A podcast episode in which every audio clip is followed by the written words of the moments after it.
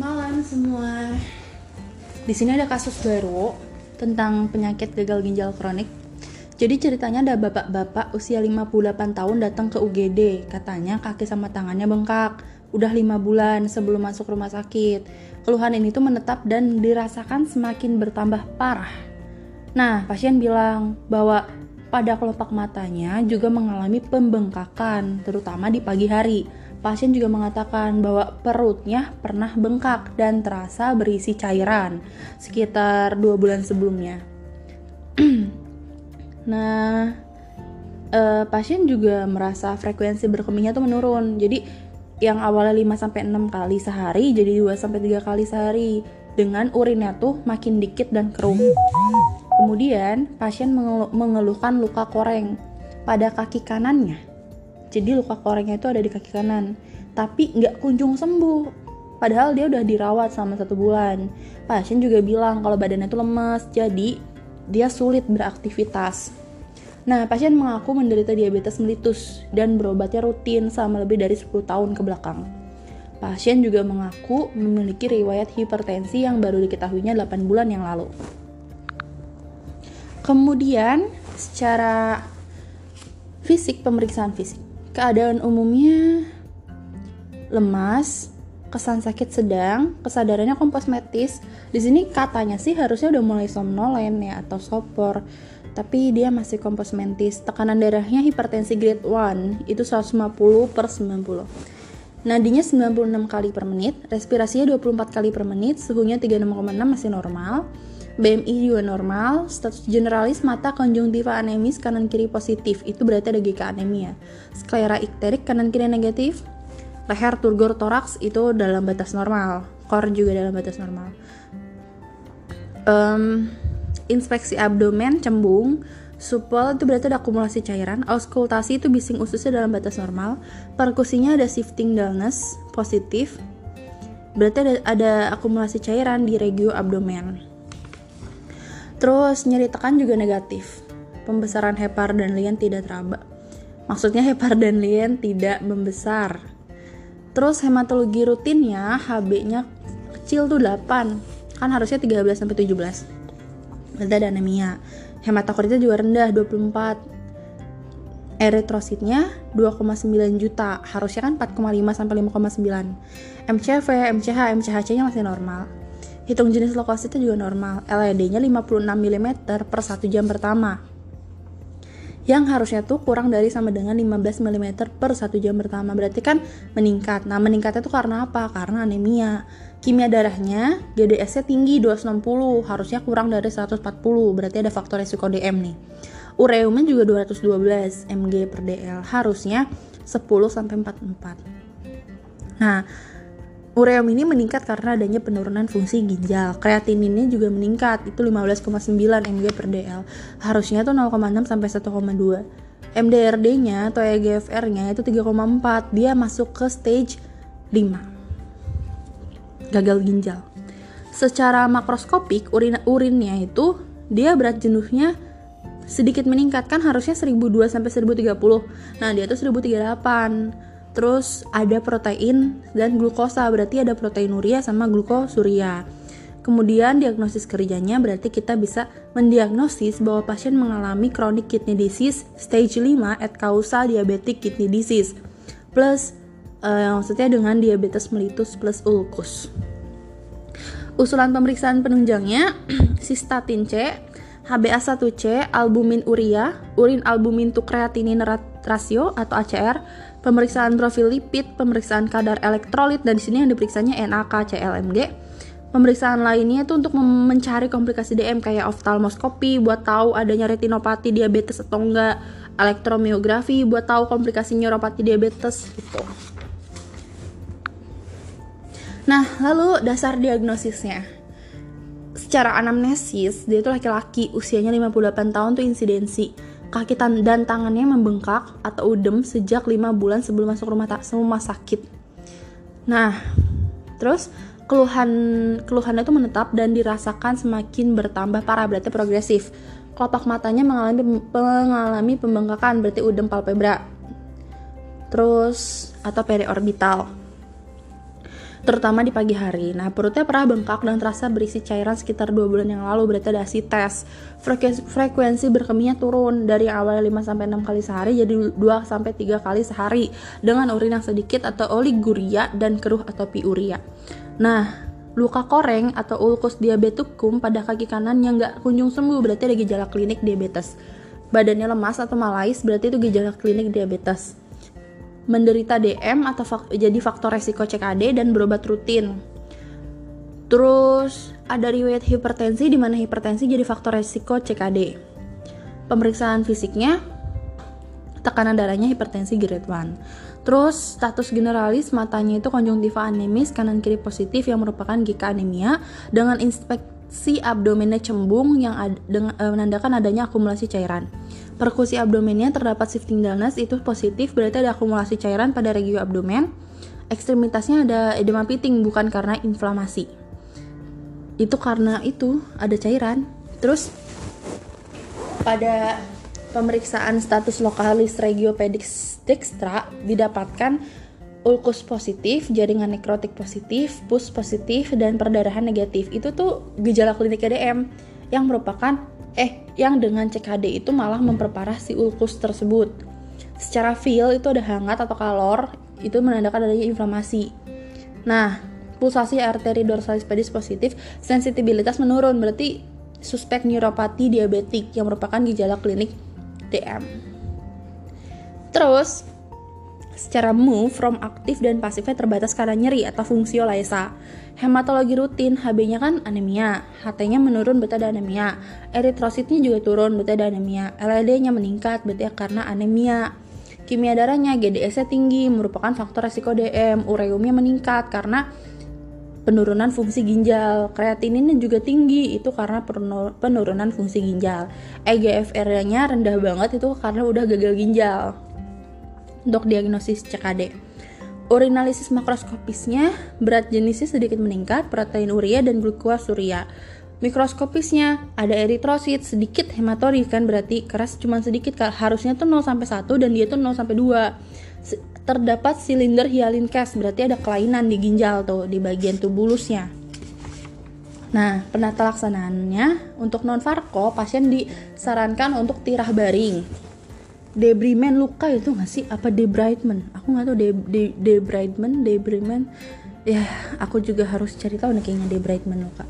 Fortifikasi tablet FE fumarat 90 mg gluconat 250 mg 3 kali 1 tab eritropoietin alfa 50 IU IU per kilogram SC atau erythropoiesis stimulating agent ESA, pembatasan cairan 1 liter per hari, transfusi PRC 200 cc dan pembatasan kalori 35 kilokalori per kilogram berat badan per hari. Pembatasan protein 0,6 gram per kilogram berat badan per hari. Hemodialisis, diet rendah garam 2 gram per hari, transplantasi ginjal dan dirujuk ke dokter spesialis. Untuk farmakologinya bisa diinfus NaCl 0,9% dengan pembatasan cairan 1 liter per hari, Captropil 2 kali 12,5 mg itu kita yang incer itu HCI inhibitornya untuk menurunkan tekanan darah dan hipertensi intraglomerular. Furosemid itu termasuk obat loop diuretik untuk mengurangi edema perifer, spironolactone buat mencegah efek, efek samping furosemid berupa hipokalemia. Asam folat 2 kali 1 mg itu untuk mengatasi hiporesponsif eritropoietin insulin buat mengobati diabetesnya. Nah, glyquidon, netglinit itu lebih aman buat ginjal. Buat CKD stage 5 jangan dikasih glimepirid. Jadi resepnya itu pakai captopril, captopril tab 12,5 mg, numerus 15 eh, numerus 14, 2 DD tab 1, asam folat tab 1 mg, numerus 14, 2 DD tab 1, glyquidon tab 500 mg nomor numerus 21 3 DD tab 1 furosemid tab 40 mg numerus 7 1 DD tab 1 mane spironolacton 2 tab 25 mg numerus 7 1 DD tab 1 mane nateglinit tab 120 mg numerus 21 3 DD tab 1 AC Treatment targetnya HbA1c, DM pada wanita tidak hamil kurang dari 7%, Pasien DM dengan riwayat hipoglikemi kurang dari 8% dan pasien DM tanpa riwayat hipoglikemi kurang dari 6,5 persen. Terus prognosisnya ad vitam dubia ad bonam, ad fungsionam ad malam, ad sanasionam dubia ad malam. Lanjut. Fisiologi nefron. Yang pertama, nefron itu kan unit fungsional ginjal. Di manusia itu ada sekitar 1 juta nefron. Fungsinya nefron tuh buat apa sih? Buat filtrasi, reabsorpsi, dan sekresi urin. Ada dua macam nefron, nefron kortikal dan nefron juxtamedular. Nefron kortikal itu tuh banyaknya ada 85 sampai 95 persen pada korteks renalis sampai batas korteks medula. Nefron juxtamedular itu adanya 10 sampai 15% pada perbatasan korteks dan medula sampai medula. Ini kita bisa lihat di gambar bahwa nefron itu punya tiga komponen. Ada komponen vaskuler, ada komponen tubuler, ada komponen tubulovaskular. Nah, komponen vaskuler di antaranya ada arteriol afren, glomerulus, kapiler, kapiler peritubular, vasa recta. Vasa recta tuh cuman ada di nefron juxtamedular ya. Untuk komponen tubuler itu ada tubulus proximal, tubulus distal, ansa Henle, ductus colligentes. Dan komponen tubula vaskuler ada ada aparatus juxtaglomerularis. Nah, untuk komponen tubula vaskular tubulus distalis itu bersentuhan sama arteriol afren dan eferen.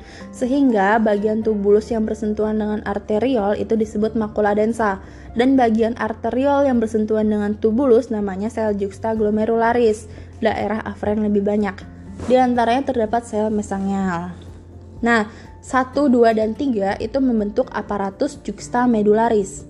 Terdapat akhiran serabut simpatis pada sel juxtaglomerular arteriol afren jadi cuma di afferent serabut simpatisnya yang afferent enggak oke okay? selanjutnya corpusculus renalis marvigi ada bagian vaskular dan tubular bagian vaskular itu di antaranya arteriol afferent glomerulus arteriol afferent Bagian tubular ada kapsul abomen. Epitel kapsul abomen bagian dalam membungkus glomerulus jadi podosit. Terus corpusculus renalis malvigi ini kayaknya part 2 nya gak sih? Aku gak tahu sih bedanya gimana. Cuman ya udah dengerin aja ya. Ada vaskular, lamina basalis, dan tubular. Yang vaskularnya itu endotel glomerulus berpori. Lamina basalisnya pelekat glomerulus dan podosit bermuatan negatif.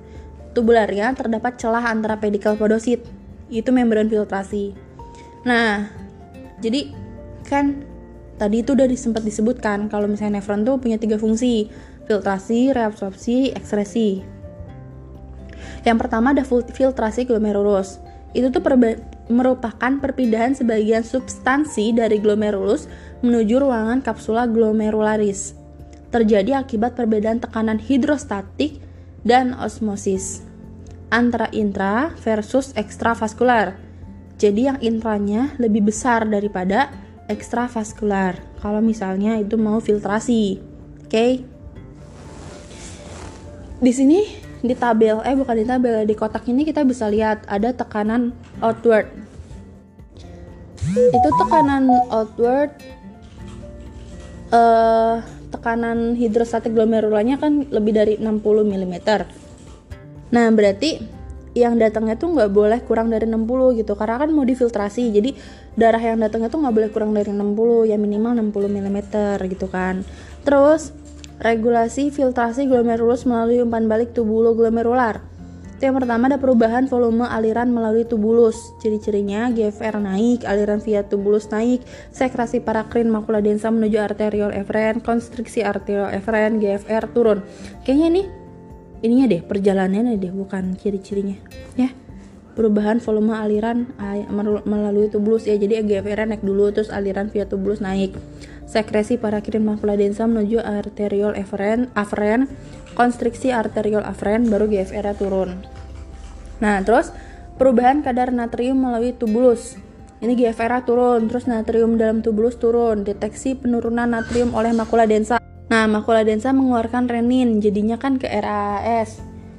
Terus konstriksi arteriol efren. Nah, di sini kita bisa lihat bahannya, bahannya, bagannya kan, yang tadi aku omongin.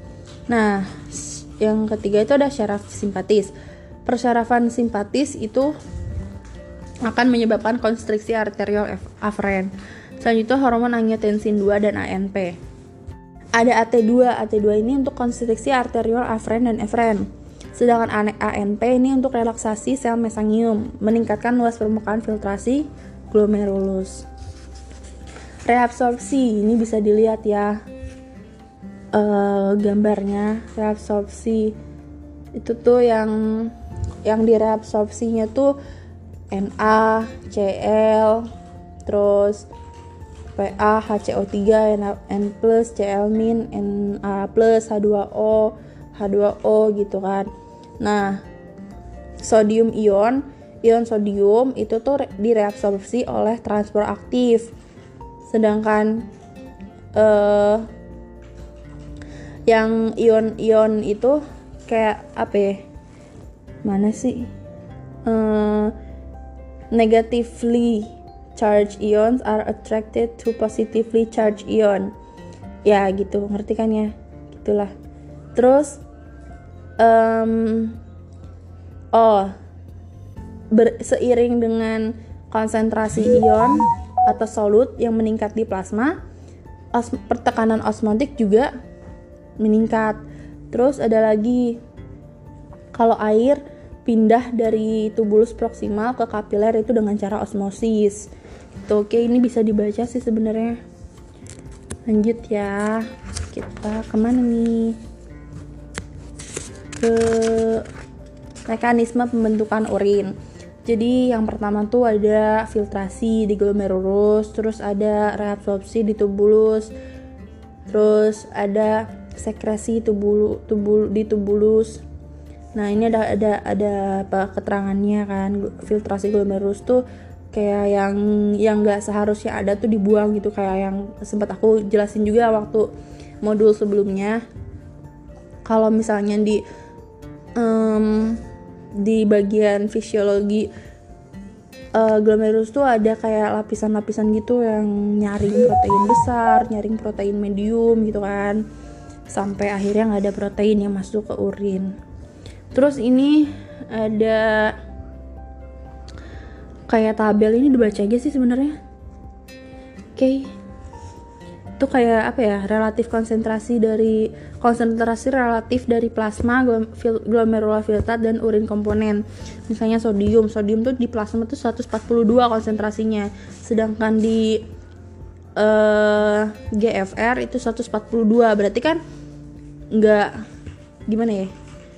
Gimana sih nah terus di urinnya 128 Ih gue juga gak ngerti. Baik ah nanti ya.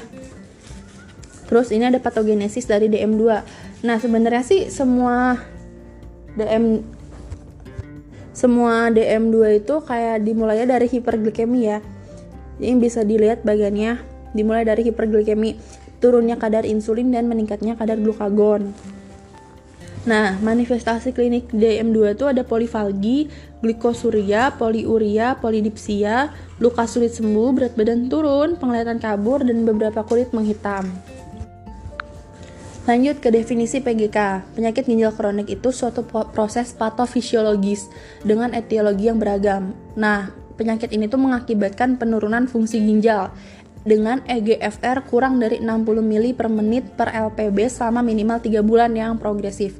Kriteria diagnosisnya ada kerusakan ginjal yang, ter yang terjadi lebih dari 3 bulan, kayak kelainan struktural atau fungsional dengan atau tanpa penurunan LFG dengan, manifest dengan manifestasi kelainan patologis, terdapat tanda kelainan ginjal termasuk kelainan dalam komposisi darah atau urin atau kelainan dalam tes pencitraan imaging test. Nah, LFG laju filtrasi glomerulus kurang dari 60 mili per menit per 1,73 meter persegi selama 3 bulan dengan atau tanpa kerusakan ginjal.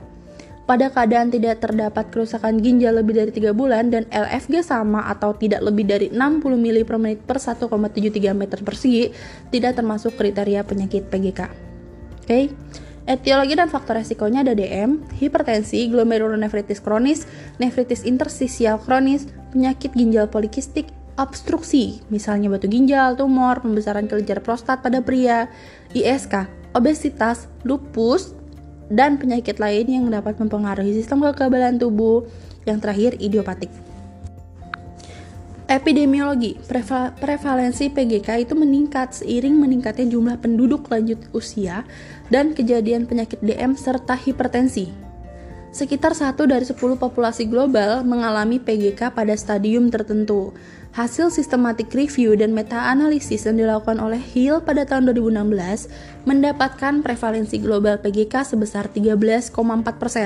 Menurut hasil Global Burden of Disease tahun 2010, PGK merupakan penyebab kematian peringkat ke-27 di dunia tahun 90 dan meningkat menjadi urutan ke-18 pada tahun 2010.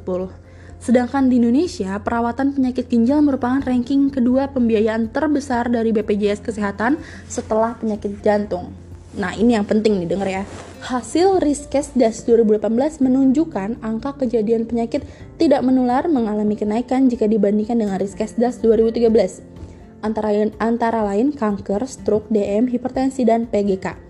Penyakit DM dan hipertensi juga PGK saling berkaitan satu sama lain nefropati diabetes merupakan penyebab utama PGK di Indonesia, 52%.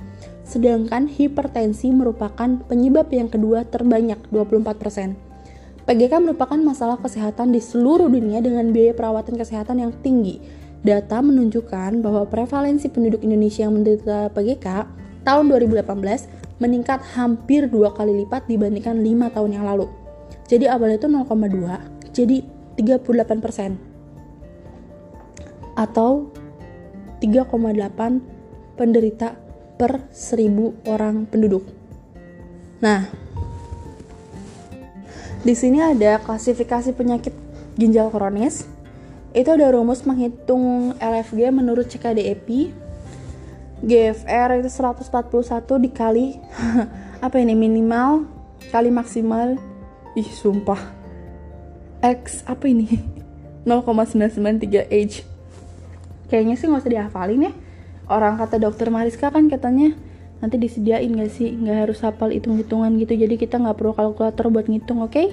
lanjut menurut laju filtrasi glomerulus ini berdasarkan CKD KDI GO itu ada beberapa stadium ada enam sebenarnya aku sebutin ya stadium G1 LFG-nya lebih dari sama dengan 90 itu normal atau meningkat terminologinya G2 itu 60 sampai 89. Ringan.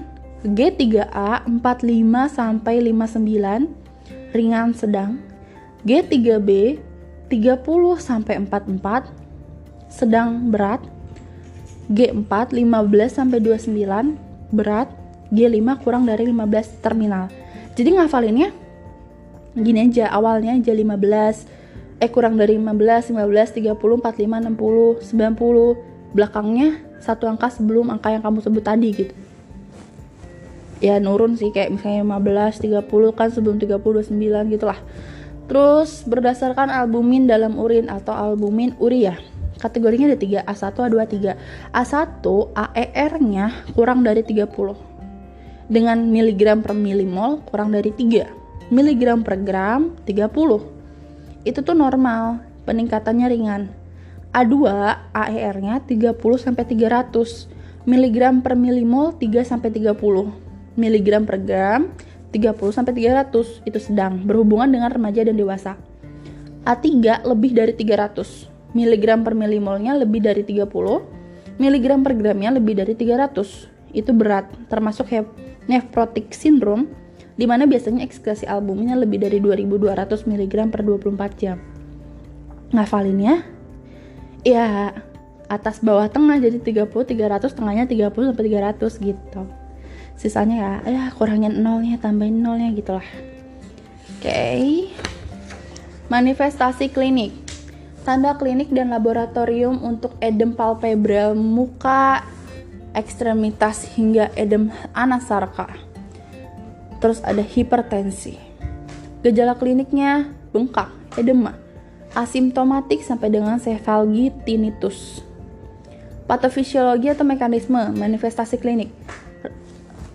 Retensi cairan akibat pergeseran cairan ke interstisial karena GFR menurun ditambah retensi natrium dan air, Jadi volume LCF-nya meningkat. Akhirnya tekanan hidrostatik meningkat. Nah, kemudian hipoalbuminemia menyebabkan tekanan onkotik plasma menurun. Ya, terus ada udem palpebral, piting udem ekstremitas sampai dengan anasarka. Itu menyebabkan itu terus juga menyebabkan hipertensi. Terus untuk paru-paru, rongki basah itu bisa ya. Jadi ada ya paru rongki paru-paru basah. Gejala kliniknya sesak nafas, Patofisiologinya jadi akumulasi cairan di paru-paru menyebabkan udem pulmo dan loss of air space. Jadi ventilasi perfusion mismatch, ventilation perfusion mismatch. Jadi ada gangguan difusi oksigen. Terus anemia, gejala kliniknya fatigue, kapasitas aktivitas menurun dan pucat. Patofisiologinya, ginjal rusak menyebabkan produksi dan sekresi eritropoietin, stimulasi stimulator eritropoiesis menyebab, menyebabkan eritropoiesis inefektif jadi anemia. Berat badan turun. Gejala kliniknya BMI kurang. Patofisiologinya malnutrisi energi protein karena asidosis metabolik karena gangguan sekresi H+. Nah, apa ini ya? Ketutupan weh, ketutupan tangan weh. Jadi apa sih nih ginjal untuk dikeluarkan dari tubuh. Gak tahu itu eh apaan. Terus hiperkalemia. Gejala kliniknya malais dan palpitasi. Patofisiologinya gagal ginjal ginjal gagal mensekresi kalium menjadikan hiperkalemia jadi aritmia kordis Selanjutnya ada patogenesis dari PGK. Jadi, ada kelainan ginjal, penurunan jumlah nefron. Jadi kalau apa ya? Kalau misalnya nefronnya turun jumlahnya, jadi kayak nggak ini kan, nggak berfungsi dengan baik gitu si ginjalnya. Nah, di sini terjadi hiperfiltrasi adaptif di glomerulus, menyebabkan peningkatan permeabilitas glomerular dan peningkatan RAA sistem. Terus, peningkatan RAA sistem menyebabkan single nephron GFR-nya meningkat. Jadi, adaptif hiperfiltrasi lagi. Terus RAS, peningkatan RAA sistem juga dapat menyebabkan hipertensi dan inflamasi nefrotoksik atau remodeling. Nah, peningkatan glomerular permeabilitas, salah, permeability apa ya? Jadi, peningkatan permeabilitas glomerular itu dapat meningkatkan filtrasi dari protein dan makromolekul. Jadi, yang yang tadinya selektif jadi enggak gitu. Jadi protein yang tadinya nggak bisa masuk jadi bisa masuk gitu kan. Jadilah protein urea. Nah, protein urea ini patofisiologinya hilangnya muatan polianion pada dinding kapiler glomerulus, adanya perubahan pori-pori dinding kapiler, adanya perubahan hemodinamik yang mengatur aliran kapiler. Nah, kalau di sini sih katanya hilangnya muatan polianion pada dinding kapiler. Jadi dislipidemia. Kan? Karena ya itu apa ya? Albuminnya kan ke urin, proteinnya kan albumin tuh albuminnya kan ke urin. Nah, dislipidemia tuh ya terjadi karena kehilangan sejumlah protein dari tubuh melalui urin dan usus. Terus katabolisme albumin, pemasukan proteinnya juga berkurang karena nafsu makan menurun dan mual-mual kan bisa. Terus juga utilisasi asam amino yang menyertai penurunan faal ginjal. Terus, peningkatan filtrasi protein dan makromolekul juga bisa menyebabkan inflamasi nefrotoksik atau remodeling yang akhirnya akan menyebabkan fibrosis tubulo-interstisial dan 2 derajat vokal segmental glomerulosklerosis. Nah, fibrosis dan sklerosis ini dapat menurunkan GFR, menurunkan output urin, dan menyebabkan komplikasi sistemik. Lanjut. Penata laksanaan. Penata laksanaan penyakit ginjal kronik bisa meliputi terapi spesifik terhadap penyakit dasarnya, pencegahan dan terapi terhadap kondisi komorbid, Faktor-faktor komorbid yang dimaksud misalnya kayak gangguan keseimbangan cairan dan elektrolit, ISK, hipertensi yang nggak terkontrol, obat-obatan nefrotoksik, bahan radiokontras, atau peningkatan aktivitas penyakit dasar. Bisa juga dengan memperlambat perburukan fungsi ginjal. Caranya, pembatasan asupan protein dan terapi farmakologis untuk menghambat aktivitas RAS, yaitu ACE inhibitor bisa dengan ACE inhibitor atau ARB pada kasus ACE intoleran. Bisa juga dengan pencegahan dan terapi terhadap penyakit kardiovaskular kayak pakai pengendalian diabetes, pengendalian hipertensi, pengendalian dislipidemia, pengendalian anemia, dan pengendalian keseimbangan elektrolit. Nah, pencegahan dan terapi terhadap komplikasi itu dengan mengontrol anemia, pencegahan renal osteodistrofi, mengatasi hiperfosfatemi, serta retriksi cairan dan elektrolit termasuk natrium, kalium, kalsium, fosfat. Terapi pengganti ginjal berupa dialisis atau transplantasi ginjal pada LFG kurang dari 15 mili per menit per 1,73 meter persegi. Ada 5 indikasi hemodialisis AIUEO. Yang pertama asidosis, intoksikasi, uremia, elektrolit imbalance berat, udem paru akut atau retensi cairan. Terapi penyakitnya menurut LFG Derajat 1 dengan LFG lebih dari sama dengan 90 tata laksananya, terapi penyakit dasar, kondisi komorbid, evaluasi perburukan fungsi ginjal, memperkecil resiko kardiovaskular. Yang kedua, 60 sampai 89 menghambat perburukan fungsi ginjal. 3A 45 sampai 59, 3B 30 sampai 44 itu dengan mengevaluasi dan terapi komplikasi. 4. 15 sampai 29 persiapan terapi pengganti ginjal. 5. Kurang dari 15 terapi pengganti ginjal. Nah, lanjut. Ini ada bagan, ada kayak patofisiologi ya, kayaknya sama terapi itu fungsi ginjal. Maksudnya, kelainan pada fungsi ginjal mengakibatkan ketidakseimbangan sodium, ekskresi potasium tidak baik, ekskresi asam juga tidak baik, terus keseimbangan kalsium atau fosfat tidak baik, eritropoiesis tidak baik, itu tuh gejala klinik ini CKD-nya tuh kayak ketidakseimbangan sodium dapat menyebabkan retensi sodium dan overload volume. Volumenya overload. Nah, cara memperbaiki gimana? Ya pakai sodium restriction diuretics. Terus ekskresi potasium yang nggak benar ya jadi hiperkalemia ya dikasih uh, dietary restriction avoid NSAIDs. Eh kayaknya gue salah deh apa gimana sih bacanya? Oh, ulangi guys. Jadi ketidakseimbangan sodium itu dapat menyebabkan retensi sodium dan overload volume. Itu diobati dengan restriksi sodium atau obat diuretik. Terus ekskresi potasium dapat menyebabkan hiperkalemia itu dengan uh, dietary restriction dan menjauhi NSAID. Terus ekskresi asam itu bakal menyebabkan asidosis metabolik. Itu pakai sodium bikarbonat. Nah, ketidakseimbangan fosfat atau kalsium menyebabkan peningkatan fosfat, peningkatan PTH, penurunan serum kalsium, penurunan kalsitriol. Itu di tata laksananya untuk peningkatan fosfat itu bisa dikasih pengikat fosfat, fosfat binders. Terus apa ini? 2-HPT. PTH merenya peningkatan PTH itu bisa kasih calcimimetics ini apaan sih maksudnya HPT pokoknya tata laksananya itu bisa fosfat binders bisa calcimimetics terus untuk ketidakseimbangan eritropoiesis yang menyebabkan anemia bisa dikasih ESA erythropoiesis stimulating agent dan iron replacement Lanjut, ada rekomendasi nutrisi pada penyakit ginjal kronis. Yang pertama ada rekomendasi asupan energi. Duh, ini banyak ya. Kalau yang Secara umum sih 35 kilokalori per kilogram berat badan ideal per hari. Udah itu aja. Terus rekomendasi asupan protein. Um, kalau yang predialisis 0,6 sampai 0,75. Kalau yang lainnya kita bikin rata. Enggak sih, jangan gak bisa ding.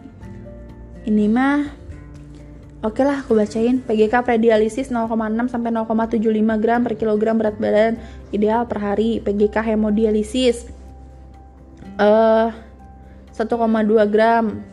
Terus peritoneal dialisis 1,2 sampai 1,3. Transplantasi ginjal 1,3. pada 6 minggu pertama pasca transplantasi, terus selanjutnya 0,8 sampai 1. Protein yang diberikan minimal 50% dengan kandungan biologis tinggi protein hewani. Rekomendasi asupan lemak PGK predialisis, hemodialisis, dan peritoneal dialisis 25-30% dari kalori. Pembatasan lemak jenuh, jenuh kurang dari 10%. Bila ada dislipidemia, dianjurkan kadar kolesterolnya kurang dari 300 mg per hari. Kalori dari karbohidrat adalah sisa dari perhitungan untuk protein dan lemak. Pasien PGK beresiko mengalami defisiensi atau kelebihan satu atau lebih mikronutrien, vitamin, dan trace, trace elements karena asupan yang tidak adekuat, gangguan absorpsi mikronutrien, akibat obat atau toksin uremik gangguan metabolisme atau akibat kehilangan atau penambahan yang didapat selama dialisis. Mikronutrien itu berfungsi pada tingkat sel sehingga defisiensi maupun kelebihan mikronutrien hanya bersifat subklinis dan baru akan terdeteksi apabila telah berada pada stadium lanjut. Ini tabel rekomendasi asupan vitamin larut air pada PGK. Ada tiami, tiamin, B1, riboflavin B2 asam pante panto senat BE, B5 piridoksin B6 biotin B8 terus asam folat B9 kobalamin B12 vitamin C ini bisa dibaca terus ada NaCl kurang dari 5 ya kalium, kalsium, fosfat, zinc, besi, selenium bisa dibaca ya.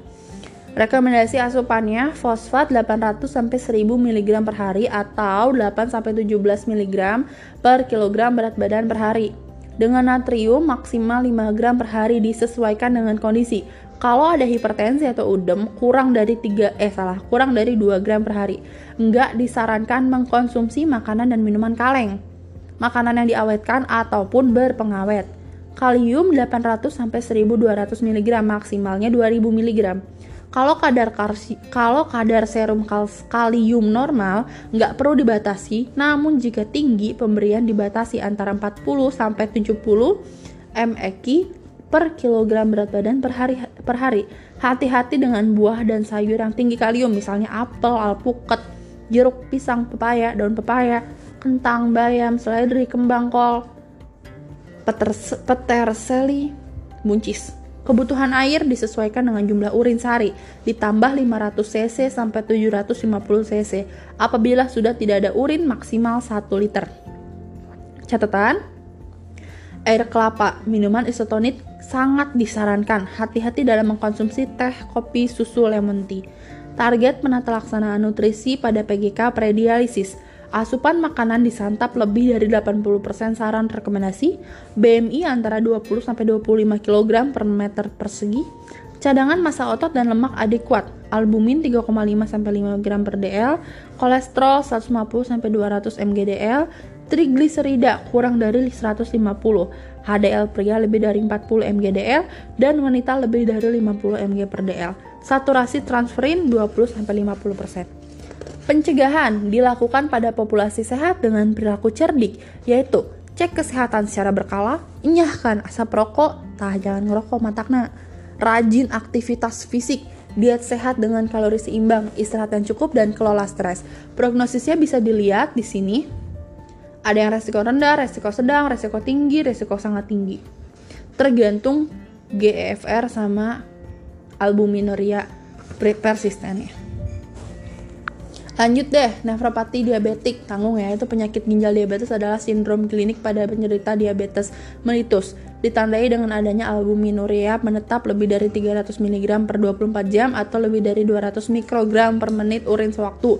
Dijumpai minimal dua kali pemeriksaan dalam waktu 3-6 bulan disertai penurunan glomerular filtration rate. Faktor resikonya hiperglikemi, hipertensi sistemik, terus dislipidemia, genetik, dan ras juga merokok. Tabel tahapannya ada hipertrofi, hiperfungsi, terus kelainan struktur, mikroalbumin persisten, makroalbuminuria, protein atau proteinuria, ada uremia. Klasifikasinya itu sih kita bisa dibaca ya. Patofisiologinya awalnya itu kan hiperglikemi. Itu menyebabkan uh, kerusakan mesangial dari AGE atau ROS. Nah, kerusakan mesangial ini bisa menyebabkan efek metabolik sama efek hemodinamik. Efek metabolik dapat menyebabkan stimulasi dari growth factors yang nantinya akan menyebabkan fibrosis, oke? Okay? Nah, hemodinamik, hemodinamik efek hemodinamik bisa meningkatkan permeabilitas glomerular yang akhirnya nanti akan menyebabkan proteinuria dan aktivasi RAAS. Proteinuria dapat menyebabkan uh, tubulus proksimal um, mengambil protein ya dan terjadi initiate inflamasi yang nantinya akan menjadi uh, konversi dari sel tubulus ke fibroblast atau scarring ada scarring. Nah, aktivitas RAS dapat menyebabkan konstriksi arterial afferent yang nantinya akan meningkatkan glomerular capillary pressures atau tekanan kapiler glomerulus meningkat yang akhirnya nanti akan men, e, menyebabkan peningkatan permeabilitas glomerular. glomerular. Nah, terus um, konstriksi arteri efferent juga dapat meningkatkan GFR kan yang nantinya akan terjadi glome, uh, hiperfiltrasi glomerular. Nanti hiperglikemi juga bakal menyebabkan hiperfiltrasi glomerular sih karena ya afren uh, apa ya nanti akan meningkatkan GFR juga. Terus yaitu hiperfiltrasi terus nanti menyebabkan aktivasi RAS gitu kan. Nah terus aktivasi RAS bisa menyebabkan uh, reseptor apa AT1 menstimulasi TGF beta dan growth factor yang nantinya akan menyebabkan fibrosis. Terus uh, fibrosis akan menyebabkan penurunan GFR, eh GFR, GFR, penurunan GFR atau urine output yang nantinya akan terjadi penurunan ekskresi AGE dan nantinya akan melukai mesangial juga karena penurunan AGE itu. Itu intinya mah ada fibrosis sama sklerosis. Oke? Okay? Ini nih yang atas sih singkat nih diabetes mellitus menyebabkan glycation atau AGE, hemodinamik hmm, perubahan hemodinam uh, efek per, efek hemodinamik, growth factors, efek hormonal yang nantinya akan menyebabkan hiperfiltrasi glomerulus, kompo, apa komposisi altered glomerular composition, hipertrofi renal, hipertensi glomerular yang nantinya sama-sama akan menyebabkan deposisi albuminuria dari ECM yang nantinya menyebabkan glomerulosklerosis interstitial fibrosis. Penata laksanaannya itu mengendalikan faktor resiko yaitu dengan cara mengendalikan kadar gula, gula darah, hipertensi, kadar lipid, berat badan atau obesitas. Nah, atasi komplikasi nefropatik diabetik. Nefropati diabetik sesuai berat ringannya berdasarkan kriteria penyakit ginjal kronis sesuai dengan KDI-GO. Patofis patofisiologi patologi ginjal itu ada empat ada glomerulus. Kalau ada kelainan di glomer lesi glomerulus namanya lesi Kimistel Wilson. Tubulus Armani Epstein. Vaskular arterio arteriolosklerosis tubulo interstisial itu pielonefritis Yeay, selesai semangat soka semuanya. Semoga lolos semua ya. Semoga nilainya ya walaupun dia tinggi atau nggak memuaskan tapi minimal lulus lah ya di atas KKM sih. Mudah-mudahan dapet dokter yang baik-baik. Jangan lupa berdoa semua. Semangat Akson, semangat Akson.